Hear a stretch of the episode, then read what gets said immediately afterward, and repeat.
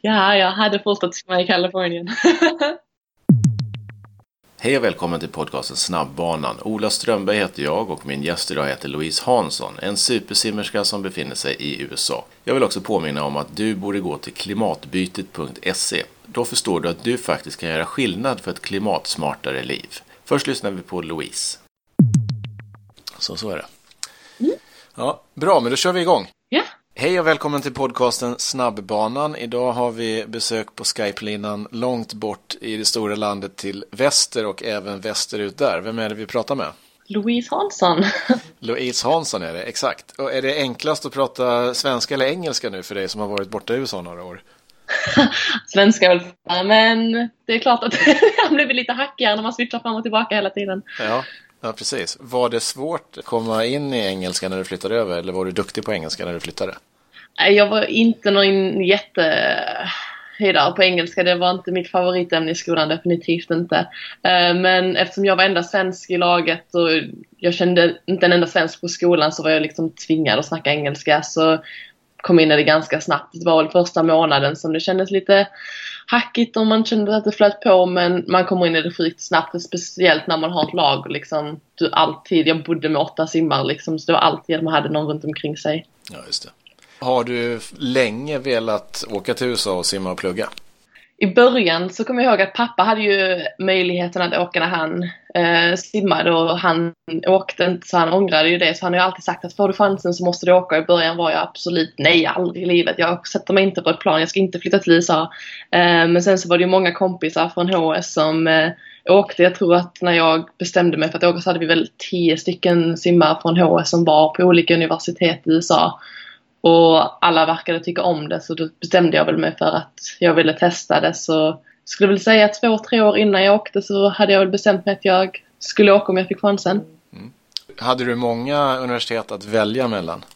Jag snackade med rätt så många universitet ehm, men eh, USC var ju ganska snabbt en favorit eftersom Stina Gardell och eh, Henriette Stenqvist båda simmade här och hade pratat väldigt bra om det och Jonas som var min coach ehm, hemma i Helsingborg då tyckte jag, visste ju vem Dave Saylor var och tyckte att han hade en bra tränarfilosofi eh, och var, trodde att det skulle passa mig bra. Så USC blev väl ganska snabbt ett första alternativ för mig. Nu har du ju kört tre år. Eh, är det så som du hade förväntat dig? Eller blev det så? Ja, jag skulle nog säga att det är bättre. Jag tycker det är, jag älskar det här. Eh, stannade till och med den här sommaren. Jag tycker att det funkar jättebra att simma för Dave och tycker det är roligt och att man har ett lag. Så nej, jag trivs jättebra. Det här var definitivt rätt val för mig. Mm. Vad är det som är bättre att plugga och eh, simma i USA jämfört med om man hade varit i Sverige, tror du? Jag tror att det hade varit väldigt svårt att plugga och simma på den här nivån i Sverige.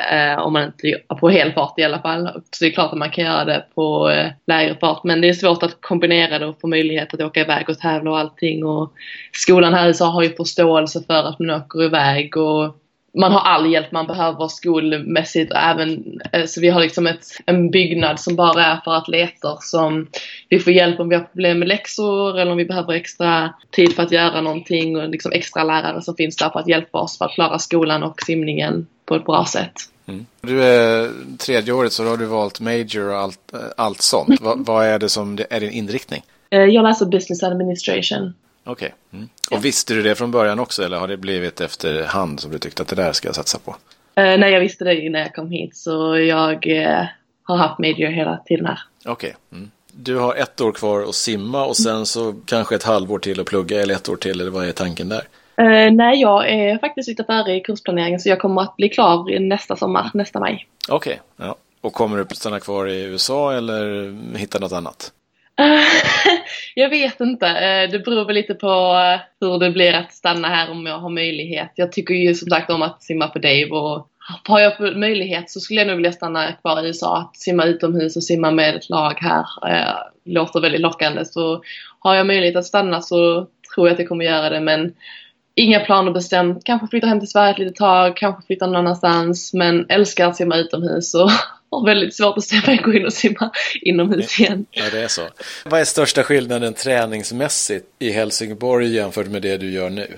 Väldigt stor skillnad, eh, vilket jag jag förstår båda synvinklarna på det och eftersom jag var yngre hemma så var det liksom, man ville simma lite mer meter och få in eh, grunden och så man blir äldre så klart att man sprintar mer och eftersom mina distanser är 50, 100, 200 så blir det ju mer inriktat på sprint. Så hemma i Helsingborg så var det ju, simmade jag för Jonas Lundström. Mm. Och eh, det var ju mer fokus på meter och liksom 6-7 tusen per pass några gånger om dagen. Och jag tror vi hade fartpass måndag, onsdag, fredag eller någonting. Det var liksom, sen var det lugnt eh, recovery emellan och allting. Här är det max varje dag. Eh, det är inte en enda pass vi simmar utan att köra ett maxlopp. Um, så intensiteten här är väldigt hög. Dave är ju känd för att vara sprint salo. Mm. Så det är ju mycket fokus på äh, snabbsimning och ibland vet man inte riktigt varför man gör olika övningar. Men det finns alltid någon baktanke så han har, det är alltid något intressant och man vet aldrig vilken, vad vi kommer simma nästa gång. Uh, man bara vet att det blir hårt och han ger aldrig oss en hel, en hel uh, träning i början utan han skriver upp eh, en serie för att vi ska simma snabbt på den och så att inte spara sig för någonting efter. Så det är väldigt hög intensitet eh, men jag tycker om det. Mm. Är det något speciellt som han använder i form av liksom prylar mer eller mindre normalt? Finns eller snork eller, eller så? Ja. ja. Han älskar fenor. Okay. Mm. Eh, men vi använder all typ av utrustning. Det är såklart det vanliga. Fenor, paddlar, snorkel, eh, dolme, allt det. Men parachutes som liksom en fallskärm, eh, sak så att eh, jag vet inte riktigt hur man ska beskriva det men ja, eh, någonting man binder runt foten så att eh, kan även binda dem runt händerna för att eh, det blir tyngre. Ibland så klättrar vi med rep, simmar benspark med pilatesbollar. Gör man det eller gör han det för att man verkligen tror att det finns en nytta med det eller för att liksom bryta av den vanliga, ibland monotona simträningen? Jag tror att det är både och. Eh, visst, det är roligt och det, det, blir att vi tycker det är roligare att simma och att det blir annorlunda. Eh, det låter ju som att man bara leker men han, det blir väldigt jobbigt till sist. men ja, det, jag tror det är en blandning. För att göra det roligare men samtidigt för att lura oss. Jag vet att det finns övningar vi har gjort när vi har legat och vi bara flöt med två tennisbollar i händerna och skulle bara ligga och kasta dem ner mot botten. Jag förstod inte alls vad det här skulle göra med simning. Det visade sig att det var en andningskontrollövning för att vi höll andan mycket längre när vi var distraherade av att göra någonting. Så det är liksom, han har baktanke på allting vilket jag tycker är väldigt kul. Ja, vad spännande. Har du haft någon oro för att det blir så mycket sprintträning att du inte skulle orka eh, nästan det gnetigaste loppet av dem alla, 200 fjäril? Ja, eh, speciellt i början när jag kom hit. Ja. Eh, så var det bara oj shit, det här är väldigt mycket sprint speciellt som, eftersom jag kom direkt från Helsingborg. Det var betydligt mer meter gnetigare. Jag kommer hit och så började, jag kommer ihåg första veckan när jag kom hit så ändrade han så bassängen bara var 15 meter. Jag hade en träning i en 15 meters pool och det var liksom bara men gud det här är ju jättekonstigt liksom. Det här kommer ju bli jätteför sprintigt för mig. Men vi har eh, oftast tre olika grupper som vi delar upp oss i. En sprint, en medel och en distansgrupp. Så jag kan balansera, jag går mellan sprint och medelgruppen oftast. Gått enstaka pass i distans men det händer inte så ofta längre. Väljer du själv vilken grupp du eh, är med i? Eh, oftast. Eh, det beror på vilket simsätt jag vill simma under dagen men det är klart att eh, Dave och jag snackar om det ibland så vill han att jag ska gå en specifik grupp. Mm. Historiskt sett så har ju USA, om man pluggat i USA så har det varit väldigt hierarkiskt och styrt av det som tränarna, eh, bestä tränarna bestämmer. Är det så med Dave eller är han, eh, tar han in vad du säger och vill? Eh, ja, och Dave har faktiskt en väldigt bra relation och han lyssnar på mig eh, vad jag tycker. Men det är klart att vi inte håller med varandra alltid. Eh, men jag litar på honom så det är klart att jag lyssnar på honom men eh, jag tror att jag kom hit med inställningen av att vara ärlig med honom och berätta vad jag tyckte och vara, vara respektfull i hur jag la upp det liksom och inte kritisera honom utan i så fall fråga varför jag gör de olika sakerna så jag förstår det. Så ja, jag tycker vi har en bra relation. Jag fattar. Är det någonting du saknar från Sverige när du är borta i USA? Det är väl mest familj, vänner och det är liksom, det är klart att det, men det är lättare nu när de har Skype och Facetime och allting så det känns som man ser dem hyfsat ofta ändå. Ja, men man får sin dos av släkt ändå. Ja. Mm. När började du simma och varför? Uh, jag har väl simmat i stort sett hela livet. Uh, pappa är ju coach då som du vet. Uh, Ja, jag tror jag började tävla när jag var nio men jag var ju runt poolen i stort sett så jag var ett. Eh, men jag och pappa ville ju att vi skulle lära simma oss alla fyra simset tror jag att han tyckte att det är kul om alla kan simma fyra simset liksom. Ja, jag vet inte jag. Så du hade inget val egentligen? Nej, men så fort jag kunde, det har aldrig varit, eh, jag har aldrig tänkt på att sluta simma så det har alltid varit något jag velat göra. Har du hållit på, höll du på med någon annan sport när du var yngre också? Uh, jag gick på gymnastik, mm. vilket jag var lite lång för. uh, gick även på friidrott. Okej. Okay. Mm. Och du, längd, precis, du är ju nu också lång. Hur, ja. Är det en fördel eller nackdel eh, när man simmar i yardsbassäng?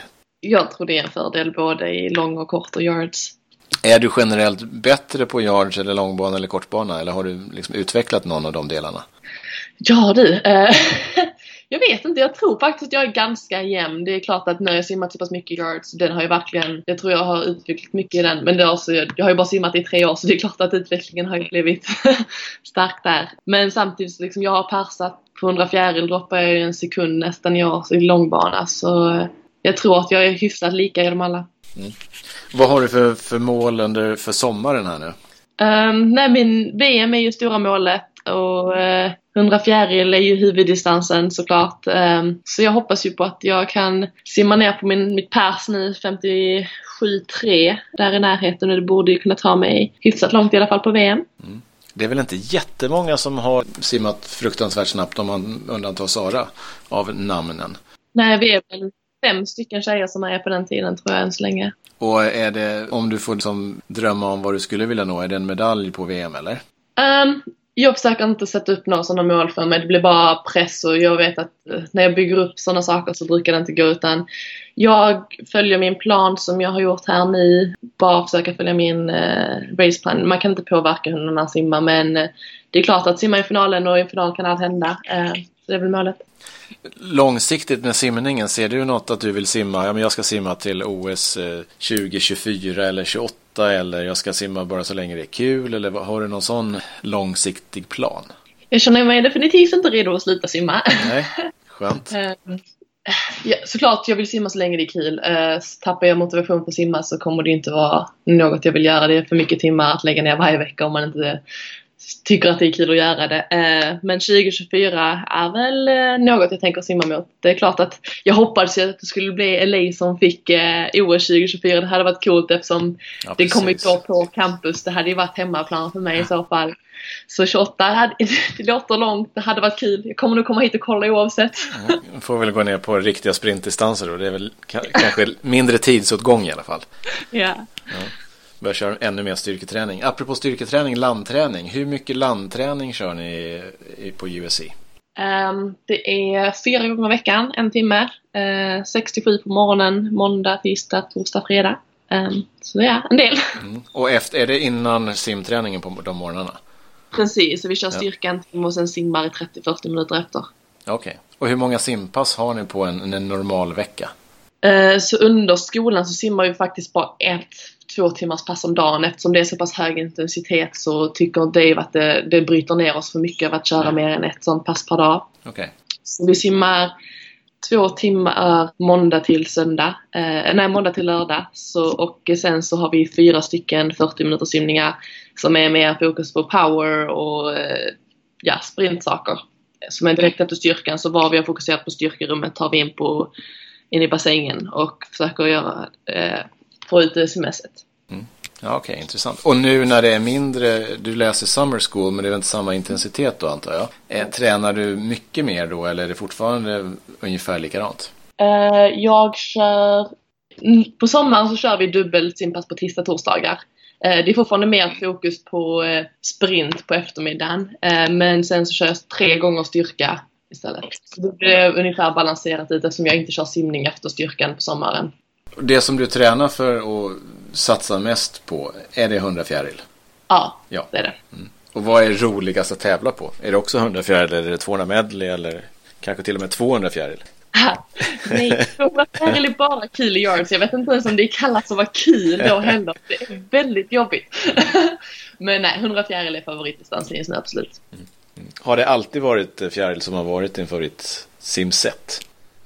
Jag vet inte, det går liksom lite upp och ner. Eh, jag har ju, eftersom jag är medlemssimmare så har jag ju haft möjlighet att välja lite med olika simsätt. Ehm, men det är klart, oftast det simsättet som funkar bäst är ju det som är roligast. Fjärilet funkade inte jättebra för något år sedan. Ehm, släppte inte riktigt, då var ju frisim roligare.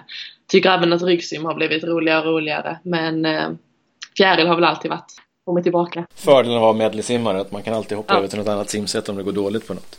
Precis. Ja, jobbigt att vara som mig som är gnet, då funkar det bara det. Det bara ett att välja på. bara ett att välja på.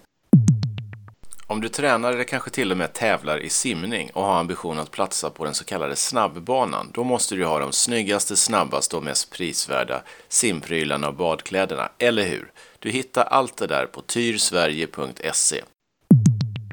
Om du väljer tävlingar som du tycker har varit roligast att tävla på, om du får välja ja, mellan SM, NCAAs, VM, EJM antar jag att du har varit med på några gånger också. Vad har varit bästa upplevelsen?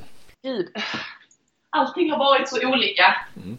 Um, du får välja OS också. Ja, um, de har varit bra på olika sätt. Det är klart att det alltid är kul, alltså EGM, EM, VM, OS.